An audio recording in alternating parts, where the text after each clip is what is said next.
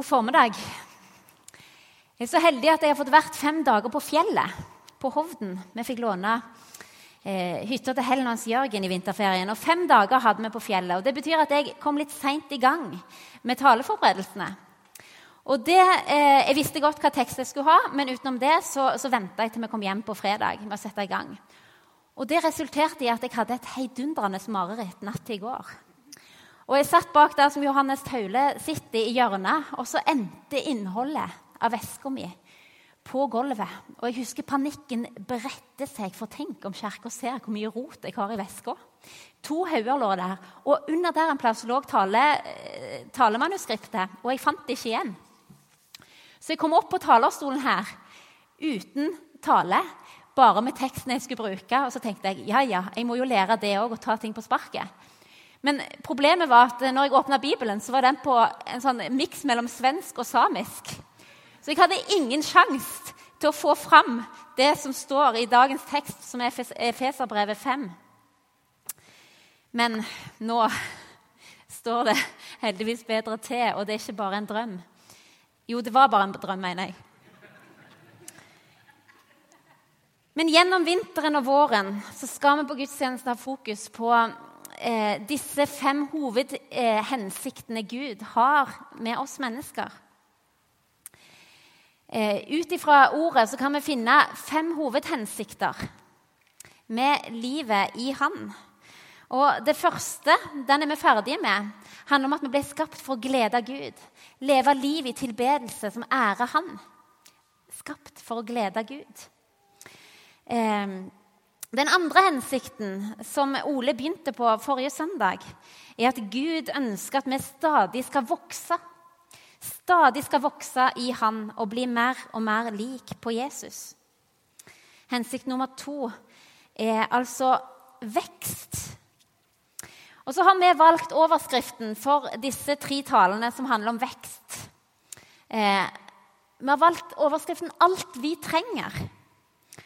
Og du tenker kanskje, som meg, som jeg tenkte i starten Hva har den overskriften med vekst å gjøre? Det jobba ganske hardt i meg når vi valgte å gå for den overskriften. Det tok litt tid før jeg klarte å henge meg på. Men saken er den er at vi har alt vi trenger i Jesus Kristus. Alt vi trenger for å vokse, alt vi trenger for å bli mer lik Han. Alt vi trenger for å leve det livet Han har kalt oss til å leve har vi fått alt. Det ligger tilgjengelig for oss i frelsen i Jesus Kristus. I ordet, i fellesskap med Gud og med hverandre, i lønnkammeret, i stillheten og i tilliten. I undringen, i takken og i bønnen. I vår daglige vandring og pust. Alt vi trenger, har vi fått i Han. Og Peter skriver det så fint i 2. Peters brev 1,3. Ja, alt vi trenger for å leve i Guds frykt Dere får det på veggen her. Eh, alt vi trenger for å leve i Guds frykt, har Hans guddommelige makt gitt oss i gave ved at vi kjenner Ham som kalte oss ved sin herlighet og makt. Alt er blitt gitt oss. Katrine Aspås hun er spaltist i Aftenposten. Hun skrev følgende i en kommentar når nåværende regjering skulle legge fram sitt første statsbudsjett for et par år siden, høsten 2015. Finnes det noe alternativ til vekst? Det enkle svaret er nei. Det finnes ikke noe alternativ til vekst. Vekst ligger som et grunnprinsipp for alt som lever. Vi ønsker å vokse, som en trang, en lyst, en lengsel. Symfoniorkesteret, bedrifter, forfattere, ingeniører, lærere Vi ønsker å skape større musikkopplevelser, bedre produkter, nye bøker, dristigere teknologi og bedre læremetoder. Spørsmålene er egentlig flere, og de åpner for et vell av muligheter. Hvor ønsker vi veksten? Hva er det vi vil skal vokse? Hvorfor og hvordan? Eh, hun siterer òg Anne Grete Preus sin låt 'Åndelig matematikk'. Ekte saker vokser når de deles med flere. Men med sånn som er mindre viktig, er det det motsatte som skjer. Ekte saker vokser når de deles med flere. At levende ting vokser, det er en naturlov. Jeg tror vi kan si oss enige om det.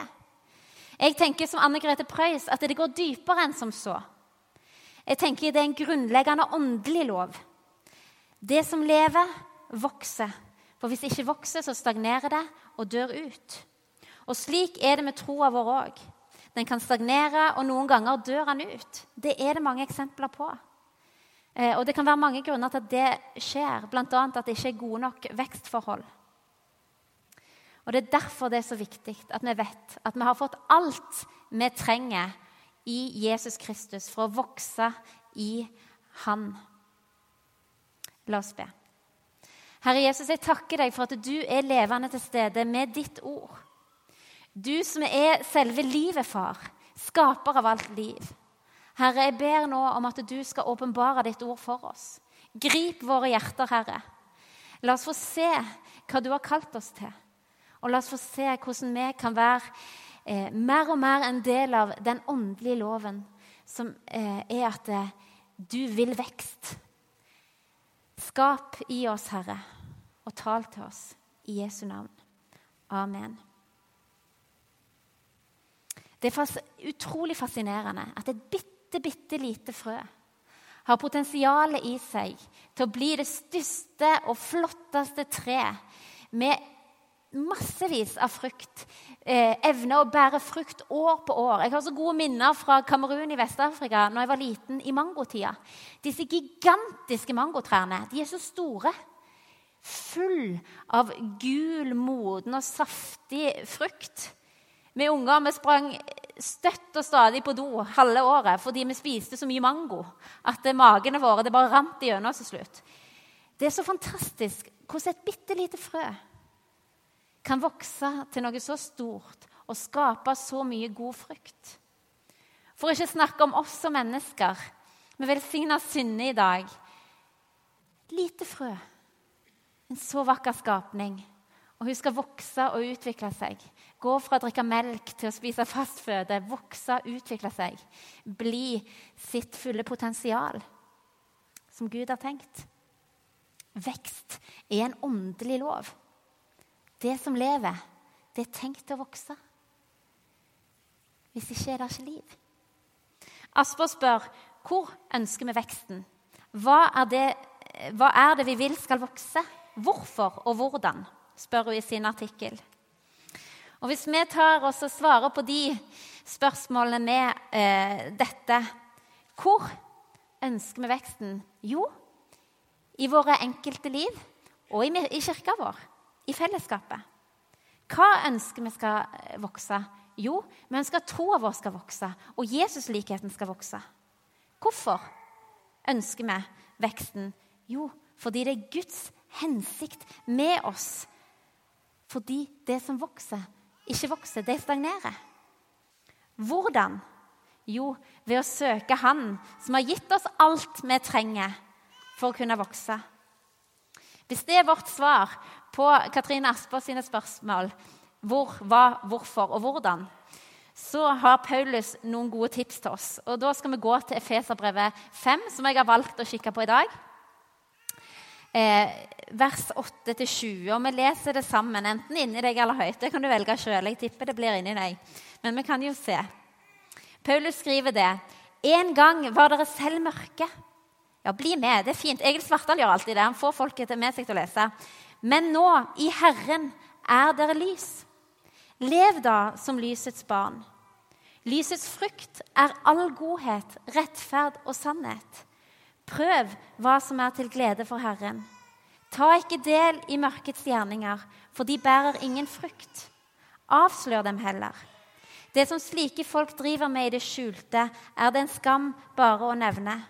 Men alt kommer for dagen når det blir avslørt av lyset og alt som kommer for dagen, er lys. Derfor heter det, Våkn opp, du som sover. Stå opp fra de døde, og Kristus skal lyse for deg. Pass derfor nøye på hvordan dere lever, ikke som ukloke mennesker, men som kloke, så dere bruker den dyrebare tiden godt, for dagene er onde. Vær ikke uforstandige, men forstå hva som er Herrens vilje. Drikk dere ikke fulle på vin. Det fører til utskeielser. Bli heller fylt av Ånden, og syng sammen. La salmer, hymner og åndelige sanger lyde. Syng og spill av hjertet for Herren. Takk alltid vår Gud og Far for alt i vår Herre Jesu Kristi navn. Så bra. Og Det er spesielt tre ting i denne teksten jeg har lyst til å løfte fram i forhold til dette med å vokse i Han.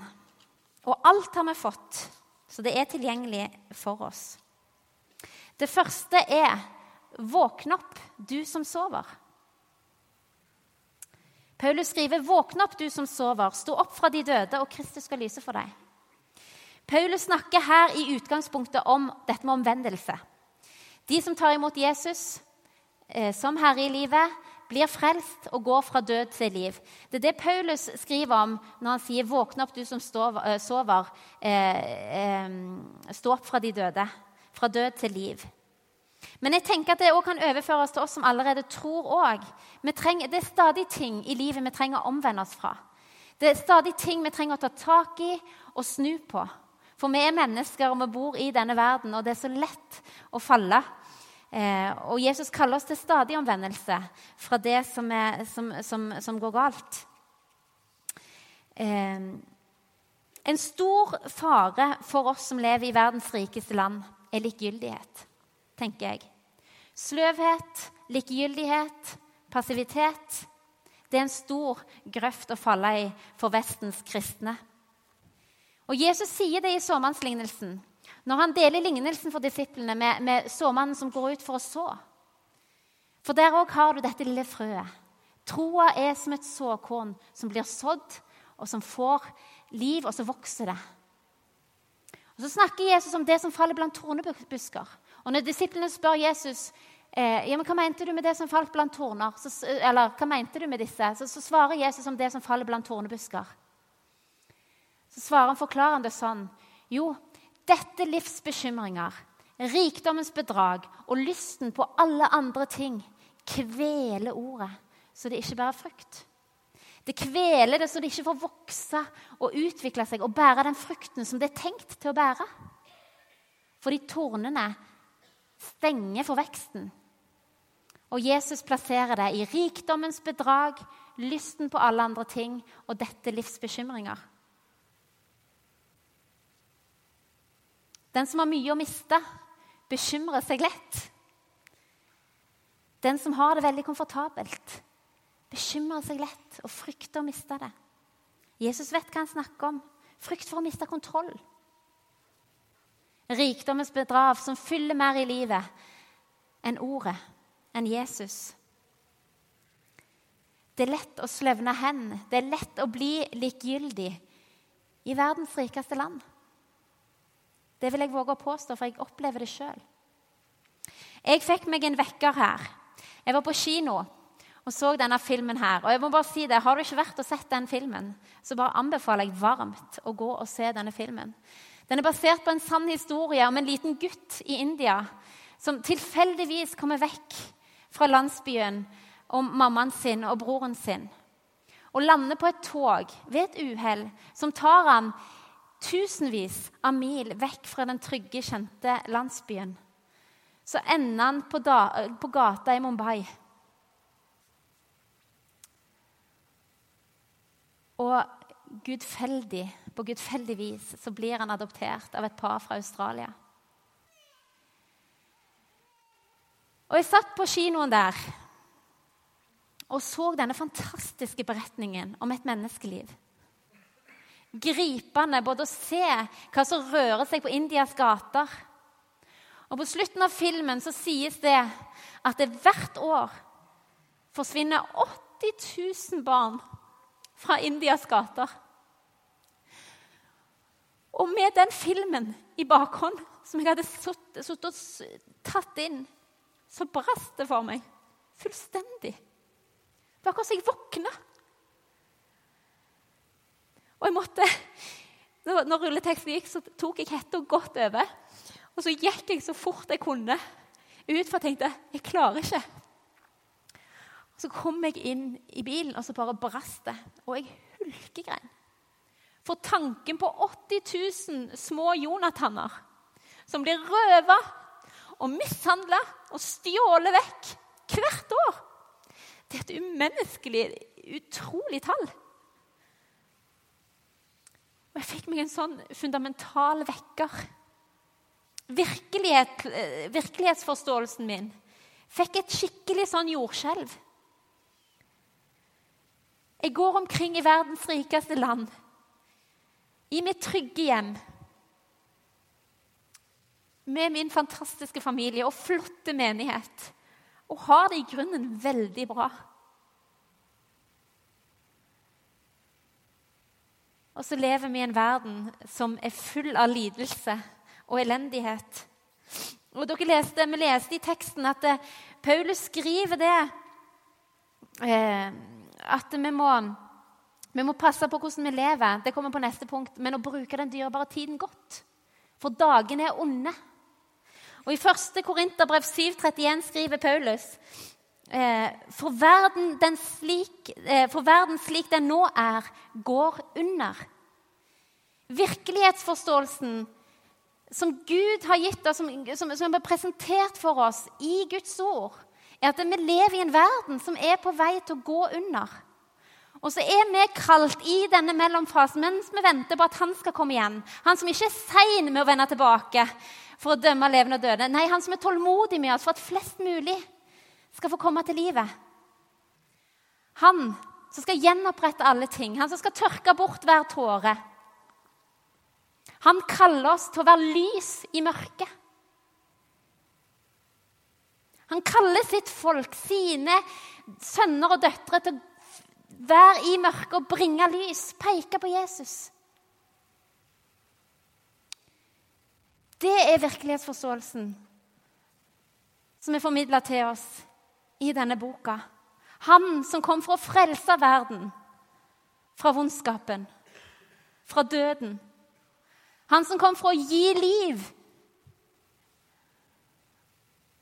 Uforståelig nok så bruker han oss som tror, til å være med å bringe lys inn i en håpløs verden. Og for å dele det, den sannheten at alt vi trenger, har vi fått i Han. Men det er så lett å glemme, det er så lett å sovne i verdens rikeste land fordi rikdommens bedrag og lysten på alle andre ting kveler ordet. Det er Jesu egne ord. Det kveler ordet. I mitt liv iallfall. Så det er ikke bare frykt. Og jeg tror vi må ta det på alvor. Jeg må ta det på alvor. Det gikk opp for meg når jeg satt på kinoen. Og all overskudd av, av filmen går til, til, til, til, arbeid i Indias gater, til, jobbing med barn. Alle kan gjøre noe. Og Gud kaller oss til å våkne opp og ikke sove, vi som bor på Norges beste vestkant. Våkn opp, du som sover. Stå opp fra de døde, og Kristus skal lyse for deg. Og Jeg vet ikke helt hvordan det skal se ut, men jeg tror at Gud kaller oss til mer som fellesskap, som kirke. Han kaller oss til enda mer. Og for en velsignelse det er når vi våkner opp og deler liv og bærer hverandres byrder og tar nye skritt i tro på at vi er kalt til å bringe lys i mørket for mennesker. Ingenting er umulig for Gud. Våkne opp, du som sover.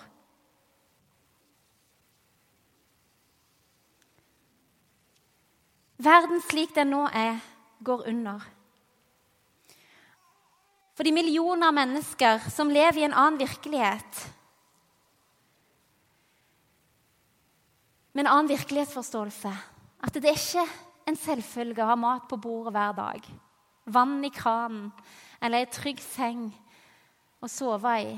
Eller trygge relasjoner rundt seg. Og vi trenger egentlig ikke gå så veldig langt, for elendigheten fins i våre nabolag òg. Og kanskje bærer du på ting sjøl òg som, som, eh, som vitner om det. Men vi står i fare for at rikdommens bedrag driver oss til å miste litt virkelighetsforståelsen Gud har kalt oss til å leve i. I 2007 så var jeg i USA, og da var det en eh, teolog og forfatter som promoterte ei bok eh, som handler om at du får det ikke med deg når du dør. Og Han reiste rundt, jeg husker vi var i Nashville, og, og der kom vi ut forbi en sånn kristen bokhandel. og Der sto den promoteringsbilen. Og det var en begravelsesbil som var lessa med alt slags jordisk gods. Kanoer og turting og sofaer. Og det, var, det var et fantastisk syn. Jeg prøvde å finne bilder av det på nett, men jeg fant det ikke. En svart bil overlassa med, eh, med, med, ting. Og sloganen for hele kampanjen var at du får det ikke med deg når du dør. Uh, you can't get it with you when you die. Eller you won't get it with you. Og det er noe viktig med det. Hva investerer vi, livet i? Hva investerer vi i? Hva bruker vi? Og det bærer meg over i, i andre punkt. Hva bruker vi vår tid på? Det som har evig verdi, eller det som har forgjengelig verdi? Våkn opp, du som sover. Så nummer to, som jeg trekker ut fra teksten. Eh, Paulus sine ord. Pass på hvordan dere lever, og bruk den dyrebare tiden godt, sier Paulus. De henger litt sammen, disse to. Ole talte forrige søndag, eh, og da sa han noe som jeg syntes var så bra. Han sa dette.: La ikke den nåværende verden presse deg inn i dens form. For å vokse så er det viktig å være våken. Og så er det viktig å se til at vi ikke lar den nåværende verden presse oss inn i dens form. I Kolosserbrevet 3 skriver Paulus.: La sinnet være vendt mot det som er der oppe, ikke mot det som er på jorden. Vårt fokus, vår oppmerksomhet, ønsker å kalle Gud oss til å ha vendt mot seg. Han som har alt vi trenger. Han kaller oss til å løfte blikket og se på Han, det som er der oppe. Og da er det sånn at det er ingen situasjon, ingen krevende oppstendigheter, er for vanskelige for Gud å tre inn i. Noen ganger tenker jeg det er enklere å stå i kampens hete og oppleve Guds trofasthet enn det å være i ørkenland. Å være i en sånn mellomfaseperiode hvor en verken hører ord fra Gud eller eh, ser eh, hvor veien går. Og livet med Gud, det er begge deler. I 1. Samuels bok så står det om når, eh, Før, før eh, eh, profeten Samuel salva David til konge, så står det det var i en tid da ordene fra Herren var få. Sånn kan vi ha det som, som mennesker, som etterfølger av Jesus. at Noen ganger så taler ikke Gud så tydelig og sterkt. Det kan gå lang tid mellom. Og hvordan da søke det å vokse når ting er litt sånn Det er litt stilt der oppentifra. En blir ikke så inspirert. En kjenner det liksom i, i, i, i nerverota at 'Å, Gud er Han taler til meg. Han lever og er til'. Hvordan vokser en i sånne sesonger? Det står i Jeremia 17 at 'velsignet er den mann som stoler på Herren og setter sin lit til ham'. Han sturer ikke i tørketider og holder ikke opp med å bære frukt, men står der med løvet grønt, plantet ved rennende vann eller noe. Klarte ikke å sitere hele. Dere skjønte tegninga. Sette sin lit til Han som er fast som fjell, Han som er trofast. Når vi kjenner at eh, bunnen blir litt løs under beina våre, for vi har det ikke så klart for oss. Da kan vi velge å sette vår lit til Han. Gjøre det Han har sagt vi skal gjøre. Lese Ordet, be bønnen, søke fellesskapet med hverandre. Så står det fast. Vi trenger ikke tvile på det. Og det er så mange vitnesbyrd på at han er fast igjennom alle ting. I tørketid og i strid, det som er vanskelig, og i medgang. Av og til er det vanskelig òg med medgang når ting går lett, når ting er godt. Det er fort gjort å sovne da òg, og glemme ut. Som de ti spedalske som kom til Jesus og ba om å bli helbreda. De ti eh, samaritanerne som var spedalske. De ropte på Jesus og, ba om at han skulle miskunne seg over dem. Og så ble alle helbreda, alle ti. Så det er en som kommer og faller på kne for Jesus takker han, kommer i den rette relasjonen, gir Gud ære og gir Jesus ære og han fortjener. Og Jesus spør, 'Hvor ble det av de ni?'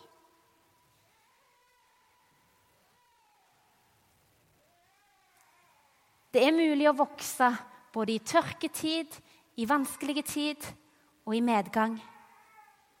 Men det krever at vi er våkne. Jeg har lyst til å ta med et ord fra Jesaja 30 eh, om at Gud er trofast. Når du roper, vil han være deg nådig. Når han hører deg, vil han svare deg. Herren gir dere nødens brød og trengselens vann. Din lærer skal ikke lenger skjule seg. Dine øyne skal se læreren. Læreren som har alt du trenger for å leve dette livet og stadig vokse. Dine øyne skal se læreren, og dine ører skal høre dette ordet bak seg. Dette er veien. Gå på den når du vil til høyre eller til venstre. Ta det med. Vi må bruke den dyrebare tiden vi er blitt gitt, godt og følge læreren som har alt vi trenger. Alltid søke han, hans vilje, hans trofasthet. Den står fast. Vi må bruke den dyrebare tiden godt, for dagene er onde. Og verden sånn som den nå er, den går under.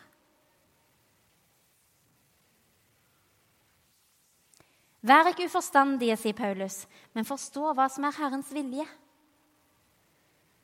Peter skriver, legg deg derfor bort all ondskap, falskhet, hykleri, misunnelse og sladder. Lengt som nyfødte barn etter ordets rene melk, så dere ved den kan vokse til frelse. For dere har smakt at Herren er god. Kom til ham. Det står i 2. Peters brev 2.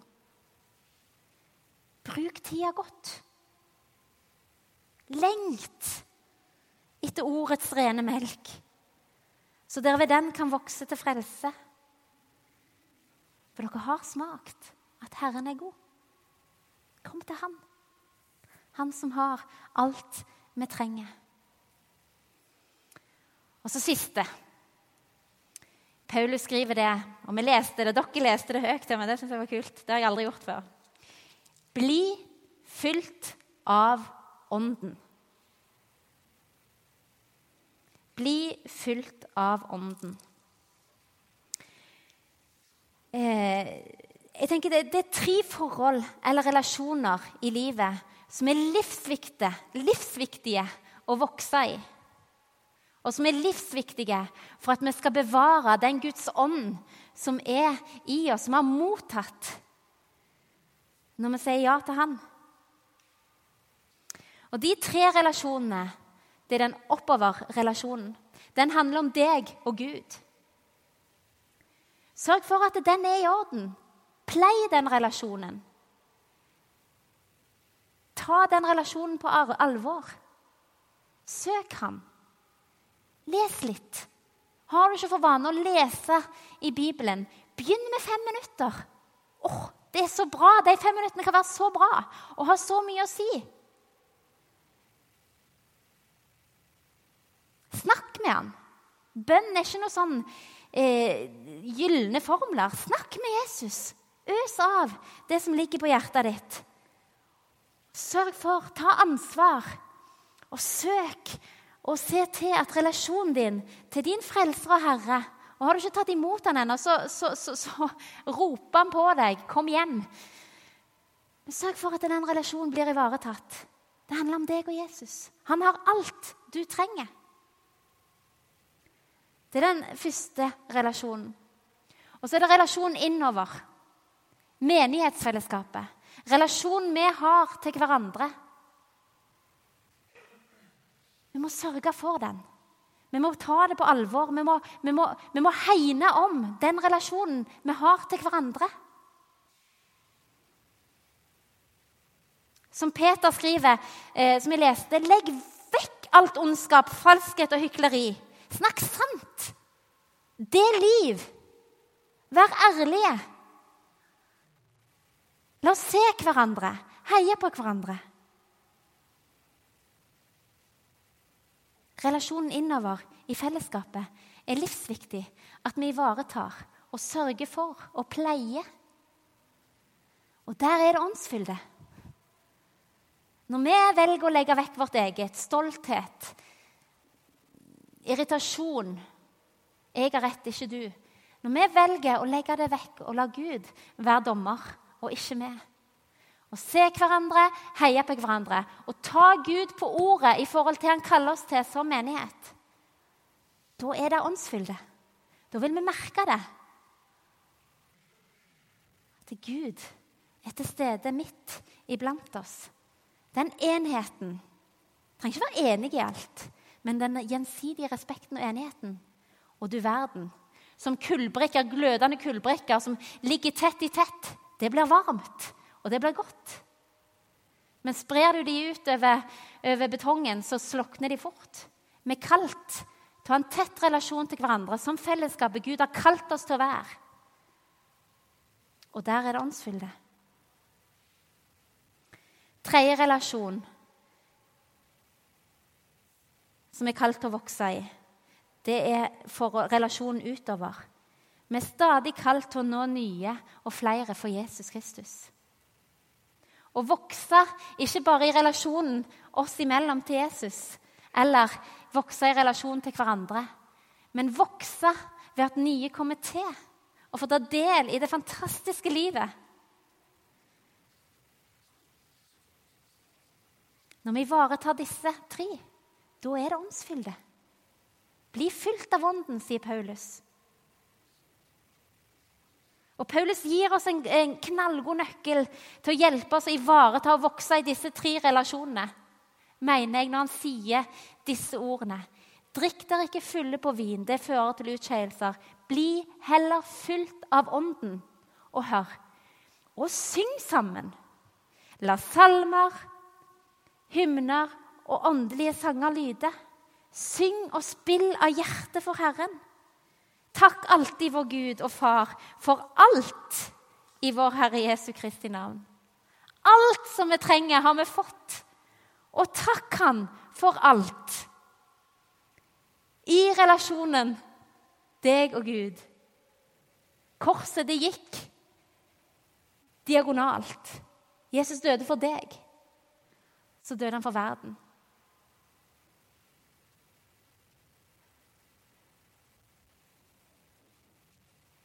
Han døde for oss. Jeg tenker at vi kan se det sånn at Her snakker Paulus når han sier 'drikk dere ikke fulle på vin'. Så snakker ikke han bare om vin, tenker jeg. Og la oss bli fulle på den. Jeg tror det like så mye kan handle om eh, at vi kan bli så lurt av den nåværende verden vi lever i. Og jeg står i fare eller vi står i fare til å bli full på verden. På tryggheten, komforten Alt det som vi kan fylle oss med. Det kan vi òg bli fulle av. Og det kan òg føre til utskeielser. Nei. Ikke bli full på det. Bli heller fylt av Ånden. Syng sammen. La salmer, hymner og åndelige sanger lyde. Syng og spill av hjertet for Herren. Takk alltid for Gud og Far for alt i vår Herre Jesus Kristus.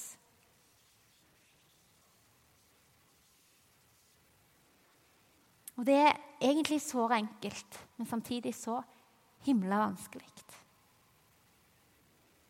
Men vi kan velge det hver dag. Komme sammen til gudstjeneste ha vårt lønnkammer. Ivareta den relasjonen vi har til Han. Kom sammen i mindre fellesskap. Er du ikke i ei smågruppe, Vi skal snart løfte smågruppearbeidet. For det er så livsviktig for troa vår. Vi har et mindre fellesskap der vi blir sett, og der vi kan dele liv. Vi er kalt å bære hverandres byrder, og det er ikke lett, det er lett å forsvinne i en stor forsamling. Jesus har kalt oss til å bære hverandres byrder, og det gjør vi best i mindre fellesskap. På utadvendt var vi ei lita gruppe som satt sammen i et hjem. Vi var seks stykker, og vi delte liv. Og det er helt fantastisk. Og troa vokser når vi deler liv. Troa vokser når vi lytter til hverandres vitnesbyrd, på godt og vondt. Det er så liv.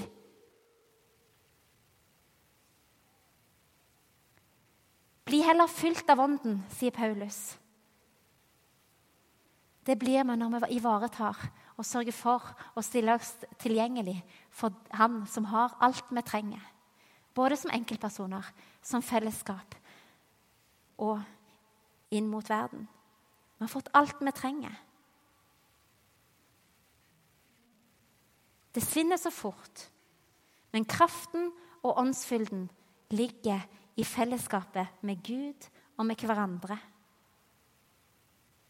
Han har lagt hele sin fylde ned i oss.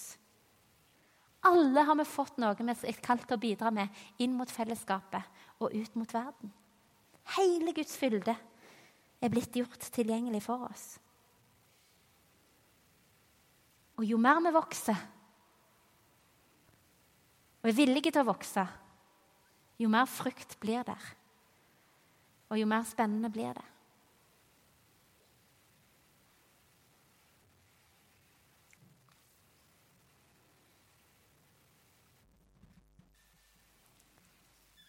Syng sammen. La salmer, hymner og åndelige sanger lyde. Syng og spill av hjertet for Herren.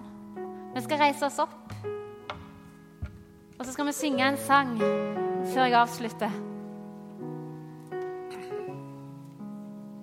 Ønsker du denne veksten i ditt liv? Videre vekst? Ønsker du å vokse mer? Hvis du tror du har nådd ditt fulle potensial og er vokst ferdig, så tar du feil. Du er kalt til å vokse helt til den dagen du trår inn i evighetens rike. Du blir aldri ferdig vokst her på jorda. Det er alltid noe nytt for deg. Gud har alltid noe mer. Det er alltid noe mer du trenger fra Han som er livets kilde.